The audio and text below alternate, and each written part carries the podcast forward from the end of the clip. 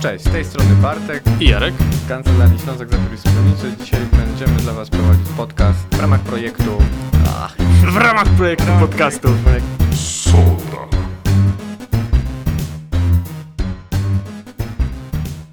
Dobra, to słuchajcie, po krótkiej przerwie wracamy z tematem prawnoautorskim dotyczącym e, działalności software house'ów.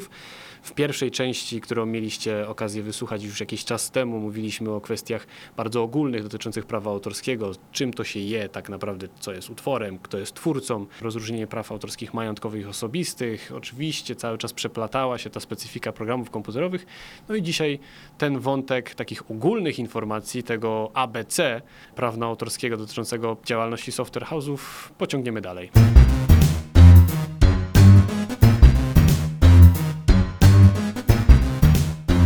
Okej, Bartek, przejdźmy do specyfiki e, programów komputerowych, bo cały czas troszkę do tego nawiązujemy, ale od tych ogólnych informacji dotyczących utworów, prawa autorskiego jako takiego, twórców, praw majątkowych, osobistych, przejdźmy do tej specyfiki programów komputerowych. Co tak naprawdę jest chronione na gruncie prawa autorskiego? Czym jest ten program komputerowy z punktu widzenia prawa autorskiego? Bo jest śmieszne może dla niektórych sformułowanie w ustawie, że te programy komputerowe, one podlegają ochronie jak utwory literackie, Tak. czyli jak książki. jak książki, Wiersze. Dokładnie. Dokładnie. E, O co tak, chodzi? rze- rze- rzeczywiście. Mm, I to jest, to jest kwestia, która gdzieś tam wzbudza zawsze pewne kontrowersje w przypadku, gdy mówimy o ochronie e, oprogramowania komputerowego. Rzeczywiście ochronie podlega to, w jaki sposób wyrażony jest e, ten program, czyli kod źródłowy. My Musimy tutaj pamiętać o jednej bardzo ważnej rzeczy, która właśnie myślę wzbudza największe kontrowersje. To nie ten algorytm, nie ten model matematyczny, który stoi za funkcjonowaniem programu, a to właśnie kod źródłowy jest elementem chronionym. Algorytm to jest, no właśnie, model matematyczny, równanie, mm, jakaś metoda, Mhm. która no, nie korzysta z ochrony. Wyraźnie nam o tym mówią przepisy. I jasne, ten algorytm może mieć często większą wartość niż ten kod, który go obudowuje.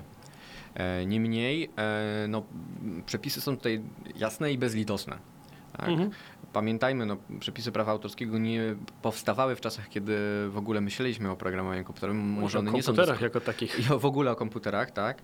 Natomiast no, funkcjonujemy w takiej rzeczywistości prawnej, w jakiej funkcjonujemy. I my, mimo naszych najszczerszych chęci, chcąc tutaj e, zadbać o, o, o naszego klienta, tak, e, software house, no nie jesteśmy w stanie pewnych rzeczy przeskoczyć. No po prostu ustawy nie przeskoczymy. Mhm. E, I to ograniczenie rzeczywiście jest. Chroniony jest kod źródłowy. To, w jaki sposób jest to wyrażone w formie kodu źródłowego. Tak? No i Ale- popatrz, jak Mhm. próbuję to tłumaczyć zawsze klientom, czy na różnego rodzaju szkoleniach, to od razu pojawiają się pytania, ale jak to? Przecież y, kod źródłowy kodem źródłowym, ale on jest przetwarzany przez maszynę i wypluwa nam na monitorze konkretne coś, co widzimy, jakiś układ graficzny, y, z którego możemy korzystać, to wszystko jak to wygląda. Czy to nie jest chronione w takim razie? Czy to nie jest program komputerowy? No i odpowiedź brzmi, nie, to nie jest program komputerowy. To nie jest program komputerowy, ale to nie znaczy, że nie to nie podlega ochronie na gruncie prawno-autorskiej, bo możemy to zakwalifikować jako utwór graficzny. Dokładnie. No, sami wiecie najlepiej, że te y, prace backendowe, frontendowe są dwie różne rzeczy i jakby tutaj trochę nam się miesza. E, Produkcja w ogóle oprogramowania komputerowego to przecież nie jest, e, nie jest tak prosty, prosty proces, sami wiecie najlepiej. Jakby wieloaspektowość tego procesu też właśnie wpływa na to, co jest chronione, w jaki sposób jest chronione. Tak? Pewnie, E.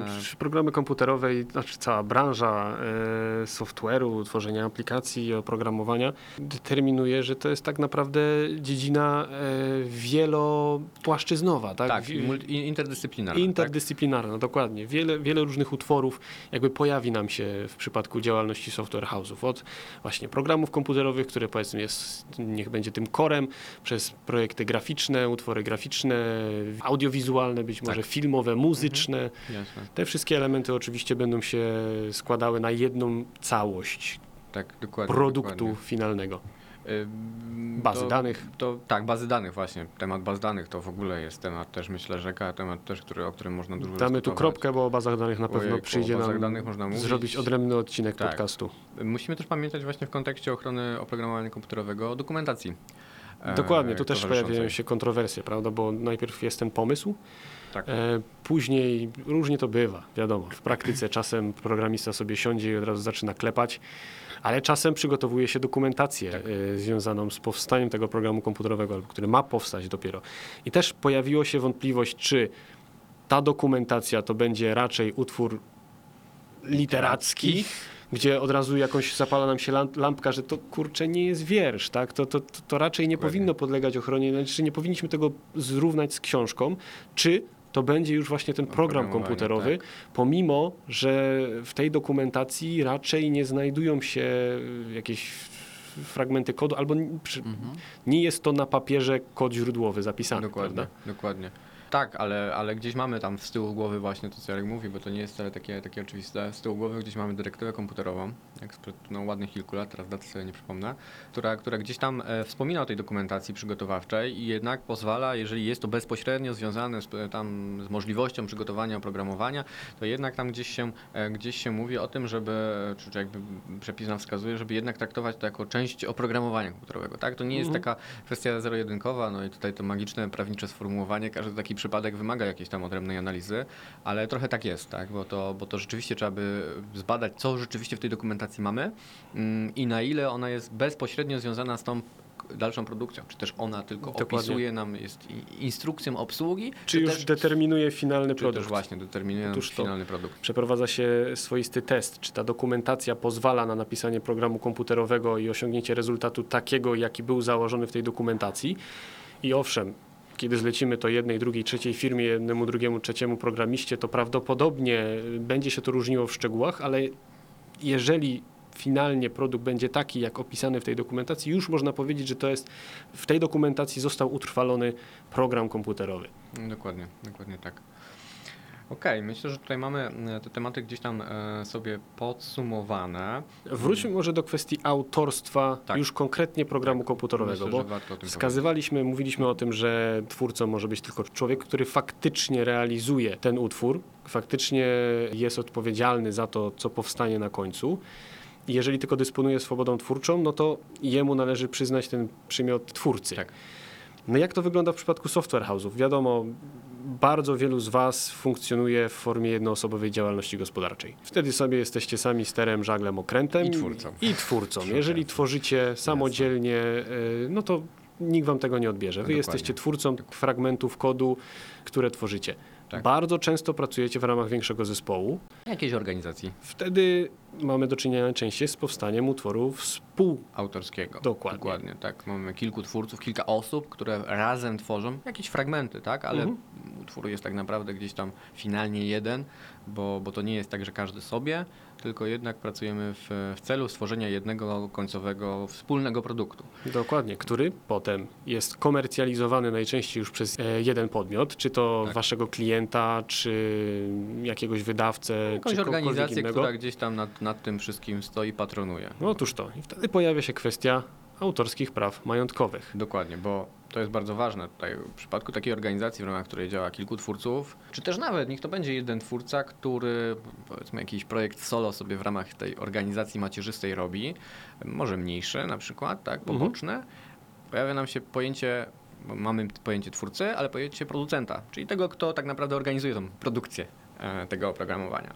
I rzeczywiście taka spółka, tak, ta organizacja, która nad tym wszystkim e, jest, czyli ten software house naszej tutaj w realiach, to właśnie jest potencjalnie tym producentem. No i, i, i- więc właśnie, i pojawia się e, kwestia tego, jak tutaj nabyć te prawa. No i jaki zakres tych praw jest potrzebny, Dokładnie. żeby potem móc je przekazać już finalnemu klientowi. Czy, czy to firmie, która zamówiła Tak. wyprodukowanie danego, danego programu komputerowego, danej apki, czy w zakresie możliwości udzielania odpowiednich licencji już użytkownikom końcowym. Jasne. I tutaj też musimy Wam zdradzić, że bywa bardzo różnie. Bardzo Oj, różnie. Bardzo Zdarzają się niestety sytuacje takie, gdzie software house odpowiedzialny za stworzenie danego produktu na zlecenie jakiegoś klienta zewnętrznego, który zamierza potem wprowadzać do obrotu tą aplikację, jakkolwiek bądź, podpisując umowę z tym klientem, z tym zamawiającym, przenosi pełnię praw autorskich do tej aplikacji. Oczywiście tym jest zainteresowany klient, żeby mógł potem dalej rozpowszechniać, wprowadzać do obrotu. Natomiast tenże software house bardzo często zapomina o tym, ażeby nabyć pełnię tych praw do tegoż właśnie programu komputerowego. Tak, od swoich notorycznie. współpracowników. B2B jest bardzo popularną formą współpracy Tak, ostatnimi czasy w problematyczne. software house'ach. Podwykonawców czy, czy nawet pracowników, jeżeli w umowach o pracę owszem, w jakimś procencie również zatrudniacie pracowników w tej formie, zaczyna się mieszać w tych kwestiach prawnoautorskich. Tak, y, bardzo często. Bardzo często jest niejasne, kto co ma robić. E, Z tego wynikają właśnie problemy co do tego, jak te prawa są, nawet właśnie w przypadku pracowników, gdzie to jest bardzo ułatwione, bo ustawa tak naprawdę daje nam trochę taki automatyzm tutaj, narzuca nam. E, Niemniej no, pojawiają się problemy z tym, że ktoś zatrudniony jest jako grafik, ale w sumie gdzieś tam w międzyczasie troszkę się podszkolił, zaczął już pracować trochę już z kodem. Mm, No i pojawia się problem, tak? Czy te prawa aby na pewno zostały nabyte w sposób prawidłowy? Em, Bo, bo, bo niestety, a to jest kluczowe, tak? Bo wy sprzedajecie tak naprawdę swojej działalności te prawa. To jest równorzędny, równorzędny towar z tym kodem, tak? który, Dokładnie który trafia tak. do klienta, bo klient sam, znaczy jasne, y, są te tam gdzieś przepisy, które mówią o tym, że tak naprawdę klient na swój własny użytek, jeżeli nabędzie kod w sposób prawidłowy, zgodny z prawem, to, to jasne, skorzysta, tak? Ale jeżeli mówimy o jakiejś dalszej dystrybucji tego oprogramowania, to klient ma związane ręce, jeżeli od was praw nie nabędzie. A jestem w stanie się założyć, że, e, że wielu z Was, wiele, wiele organizacji, wiele software house'ów podpisuje umowy, w których oświadcza, że oczywiście nabyli tam wszelkie niezbędne autorskie prawa majątkowe. No i tutaj się pojawia pytanie, czy aby na pewno. Jakbyśmy zrobili, znaczy ośmielę się to z- z taką tezą, że gdybyśmy zrobili taki rzetelny audyt w waszych firmach, A nie jeden nie, mamy. pogniewaj, nie pogniewajcie się, ale to wyjdą niezłe kwiatki, że rzeczywiście wy przenosicie prawa, których wcześniej nie nabyliście w sposób skuteczny, albo przynajmniej nie w takim zakresie, jaki jest niezbędny. No oczywiście, kto mógłby mieć problemy z tego tytułu? No, teoretycznie wy moglibyście wystąpić z roszczeniami do tego finalnie zamawiającego, który korzysta z oprogramowania, a nie nabył wszystkich praw. Ten by miał do was roszczenie o to, że jak to w umowie było napisane, Tak. że nabywa te prawa, a wy ich skutecznie nie przenieśliście, boście ich nie mieli.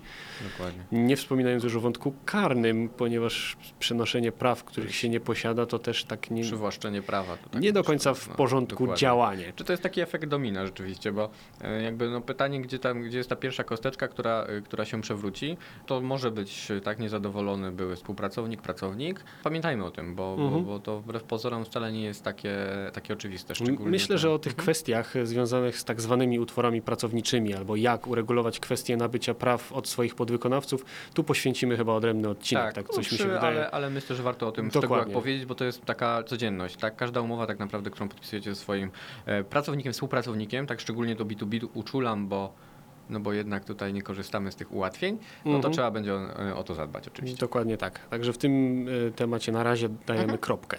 Przejdźmy do kwestii rozporządzania prawami autorskimi, a licencjonowaniem.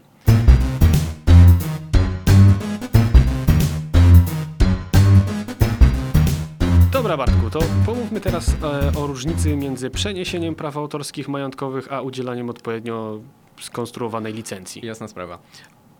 Ja zawsze to porównuję do mm, takiej sytuacji, przekładam tą własność intelektualną, tak, która zna pojęcie przeniesienia prawa i licencjonowania, do takiej zwykłej własności.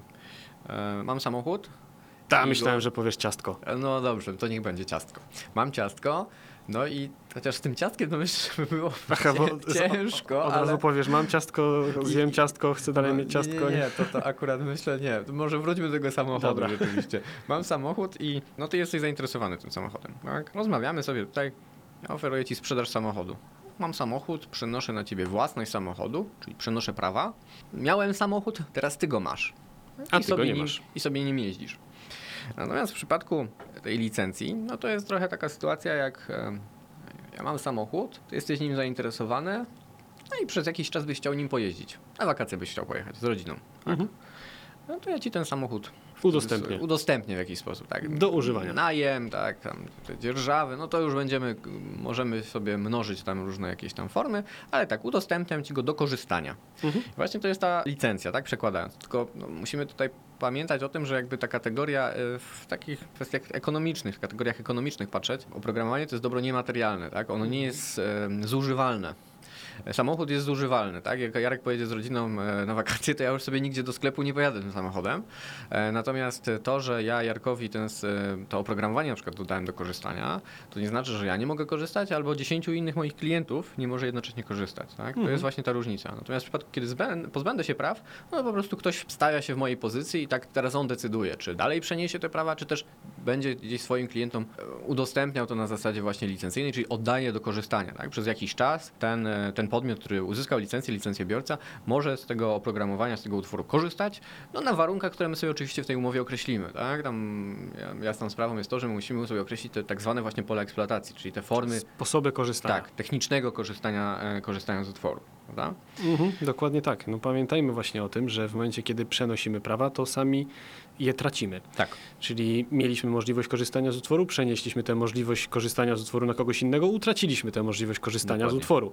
W przypadku software house'ów i programów komputerowych jest to dosyć istotne, ponieważ wy bardzo często korzystacie z jakby własnego dorobku przy różnych projektach. Tak. Czyli napisaliście jakąś apkę w danym języku oprogramowania, projekt się fajnie udał, został zamknięty, przekazany klientowi wraz z prawami autorskimi. Przenieśliście prawa autorskie i teraz pojawia się pytanie, Panie Jarku, od klienta, Panie Jarku, ta, czy ja mogę korzystać z fragmentów tego kodu, który Dokładnie. został napisany na potrzeby tamtego projektu w ramach innego projektu, bo, my, bliźniaczego. bo bardzo by mi się przydało. Wiadomo, apka do apki czasem y, dość podobna, jeżeli realizuje podobne funkcje Dokładnie. i tak dalej, i tak dalej. No odpowiedź brzmi nie. Niestety. Odpowiedź brzmi nie w zakresie twórczych fragmentów kodu, czyli nie tych schematycznych, powtarzalnych komend i tak dalej, i tak ale twórczych, które powstały na potrzeby danego projektu, tracimy możliwość skorzystania z tychże w ramach innych projektów, jeżeli przenieśliśmy prawa autorskie majątkowe, a o tym bardzo często software houses zapominają. Znaczy tak, bo to jest troszkę takie działanie, no nie chcę tego może tak nazywać, ale no trochę jest to działanie takie na hura, bo klient, klient sobie życzy, żeby prawa nabyć, no to jak już go mamy złowionego, no to już Mhm. robimy tak, jak ten klient chce. No, no, jasne, klient bardzo dużo może oczekiwać i, i my oczywiście jak w każdym biznesie staramy się, żeby ten klient był zadowolony, oczywiście. Zupełnie inną kwestią jest jeszcze tylko wtrącę to, Mhm. czy ten klient działa w swoim interesie, tak naprawdę domagając się przeniesienia praw, bo bardzo często jest mu to zupełnie niepotrzebne. Do niczego. Ale o tym Absolutnie. też kiedy indziej. Dokładnie, to, to, to właśnie to jest to. My musimy gdzieś sobie to zważyć, czy znając też realia biznesowe, w których się poruszamy i w których najpewniej też znamy te realia biznesowe, w których porusza się klient, czy temu klientowi w ogóle potrzebne są te prawa do szczęścia, bo może się okazać, że jemu do niczego, a, a nam jednak e, by się zaraz e, przydały, bo robimy projekt tak naprawdę bliźniaczy, tak? Zmieniamy na przykład tylko ten, ten, ten interfejs, tak? Graficzny, tak naprawdę te elementy graficzne interfejsu, nawet nie cały interfejs, e, bo po prostu brandujemy ten sam produkt, tę samą aplikację dla innego klienta, tak? Ona Mm. działa analogicznie, No powiedzmy podobną zmiany, tak? aplikację, jasne. no nieczęsto, e, nie, nierzadko się zdarza, żeby, żeby to były tak naprawdę aplikacje bliźniacze. Oczywiście inną kwestią odrębną zupełnie jest to, czy takie sytuacje potem są możliwe do wychwycenia przez rynek, tak? No repozytorium kodu jest, można zerknąć, kto by się bawił w porównywanie. Dopóki nic się nie dzieje, nie ma problemu, No, problemu. no ale ryzyko jakby jest. Ryzyko jest, oczywiście, znaczy no my tutaj też chyba zawsze będziemy podkreślać p- prawo to, to, to mimo wszystko, mimo tego naszego gdzieś przywiązania do realiów biznesowych i, i jakby osadzenia w tym, no, prawo to jest nauka dogmatyczna, my nie mówimy jak jest, tylko jak być powinno, Otóż tak? to. I o tym trzeba pamiętać, że jakby no, naszą rolą jest tutaj wskazać te zagrożenia, a, a czy one się ziszczą, to jest jakby inna sprawa, tak? My tutaj możemy tylko szacować tą, to ryzyko. I mieć nadzieję na to, że nasi klienci będą świadomi tego ryzyka, podejmując decyzje biznesowe. Dokładnie. O to, o to też chodzi w naszej pracy i też po to tutaj się spotykamy, po to też em, rozmawiamy dla Was, tak, żebyście właśnie Mhm. Wy, podejmując te swoje decyzje biznesowe, no, mieli pewną, e, pewne już rozeznanie, a przynajmniej właśnie tak jak mówiłem na początku, żeby gdzieś tam ta lampka się zapalała, żeby to nie, było, nie były pewne automatyzmy, tylko jednak e, przemyślane po prostu kierunki, kierunki działania. Dokładnie. Także rzeczywiście y, można zaobserwować taki schemat funkcjonowania, że producent oprogramowania przenosi prawa autorskie na podmiot, który potem zajmie się komercjalizacją tego oprogramowania, a tenże podmiot już potem udziela licencji niewyłącznych użytkownikom końcowych, to wcale nie musi tak, y, tak wyglądać. Właśnie tutaj padło sformułowanie licencji niewyłącznych. Musimy powiedzieć o tym, że rozróżniamy licencje wyłączne od licencji niewyłącznych. Wyłączne, które upoważniają tylko jeden podmiot, tego licencjobiorcę wyłącznego, do korzystania z utworu w zakreślonym obszarze, tak, Tak, na tak określonych polach eksploatacji, w określony sposób. Na w tym określonym momencie terytorium. na określonym terytorium, przez określony czas. Tutaj warunków można sobie mnożyć ile chcemy. Sky is the limit tak naprawdę. Wbrew pozorom to terytorium jest istotne, o tym się też często zapomina. Prawa autorskie są terytorialne, tak? Licencja udzielona na Mhm. terytorium Rzeczpospolitej Polskiej, a jeżeli tam ani słowem nie wspomnimy w takim dokumencie o tym, na jakim terytorium, to zgodnie z prawem polskim to jest udzielone na terytorium Rzeczpospolitej Polskiej. To Co może być problematyczne w przypadku globalnej wioski, którą dzisiaj mamy. Tak? Otóż to i jakby specyfiki też programów komputerowych, Dokładnie. które raczej nie ograniczają się do Granic danego państwa, regionu, tak? do granic państwa. Tu na Bugu, tu na Odrze. Dokładnie. Co chciałem zwrócić uwagę, w momencie, kiedy udzielamy tej licencji wyłącznej, jako właściciele praw autorskich majątkowych, tracimy, przynajmniej czasowo, możliwość korzystania z tego utworu w tym zakresie, w którym udzieliliśmy tej licencji wyłącznej. Licencja niewyłączna pozwala na udzielanie wielu analogicznych, podobnych, krzyżujących się, zachodzących na siebie licencji poszczególnym, poszczególnym podmiotom. Tak jest, dokładnie, dokładnie tak. Oczywiście jeszcze mamy też e, tą kategorię taką dodatkową sublicencji, tak, nasz licencjobiorca może być uprawniony na przykład na potrzeby mm, swojej organizacji, tak, bo to może być jakaś spółka holdingowa, która Mhm. dalej swoim spółkom córką, spółkom powiązanym będzie chciała wycinkowych jakichś sublicencji udzielać. E, To już są jakby takie kwestie bardziej złożone, natomiast ten pod, podstawowy podział na licencje wyłączne, niewyłączne e, ma znaczenie, tak. Bardzo ważną kwestią, myślę, o której trzeba powiedzieć w kontekście licencji, jest ta e, kwestia wieczystości licencji. Mhm. E, Bo to bardzo często się też pojawia, no udzielimy wam takiej wieczystej licencji, for life. Mhm. Fajnie, wszystko, tylko prawo polskie nie do końca zna taką kategorię, o czym też musimy gdzieś pamiętać, bo e, rzeczywiście mm, licencja jest czasowa, tak? to jest istota licencji. Ona może być na czas oznaczony bądź nieoznaczony, ale wciąż jest to umowa jakieś porozumienie czasowe. No tak mówię, ni- niestety polskie prawo i głowimy się nad tym jako prawnicy już od dłuższego czasu, myślę, że nawet tęższe głowy niż tutaj nasze nad tym się głowią, zresztą nieraz e, mieliśmy okazję rozmawiać z, z innymi naszymi kolegami na ten temat. No To jest kwestia tego, że często ta umowa na czas nieoznaczony, traktowana jako wieczysta, ona tak do końca wieczysta nie jest, bo zawsze gdzieś tam jest ta możliwość wypowiedzenia takiej licencji. Oczywiście to wypowiedzenie może być ob- obwarowane pewnymi klauzulami i tak dalej, o czym też musimy pamiętać. Jasne, to bardziej jest tutaj interes pewnie klienta, żeby sobie zadbać o tą, w cudzysłowie oczywiście, wieczystość, czy też jakąś jej quasi-formę. Natomiast my musimy mieć świadomość tego, że, tutaj, że tutaj taka licencja for life, to ona tak do końca for life niekoniecznie jest. E, No i to byście się musieli też wczytać te swoje dokumenty, które gdzieś tam pewnie już w szufladach u Was leżą.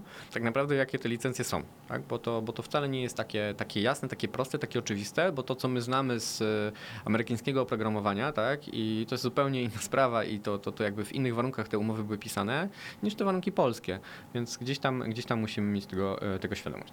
Dokładnie tak. Jaki jeszcze temat chcielibyśmy Wam zasygnalizować? No, w praktyce pojawia się kwestia handlu używanym oprogramowaniem komputerowym. Na pewno się z tym spotkaliście.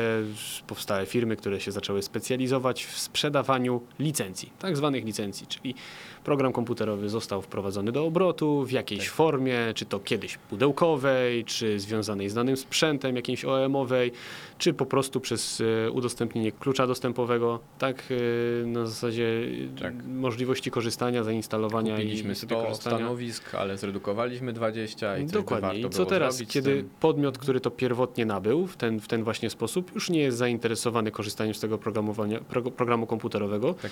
a inny byłby zainteresowany Tak, potencjalnie, teraz. dokładnie. Czy można przenosić takie licencje, Mhm. czy można sprzedawać może takie programy komputerowe, które zostały w ten sposób wprowadzone, wprowadzone na rynek. No to też jest fajny temat, to akurat e, mamy to szczęście, że, że, że, że tutaj sprawa nam się e, rozjaśniła, bo wbrew pozorom to nie było takie proste. Jeszcze kilka Mhm. lat temu było bardzo, bardzo dużo wątpliwości. Zresztą no, do, tyle, do tego stopnia, że ten e, temat trafił do Trybunału Sprawiedliwości Unii Europejskiej, który wypowiedział się na ten temat, ta słynna sprawa Just Soft, tak, Tak jest, tam niemiecka dokładnie.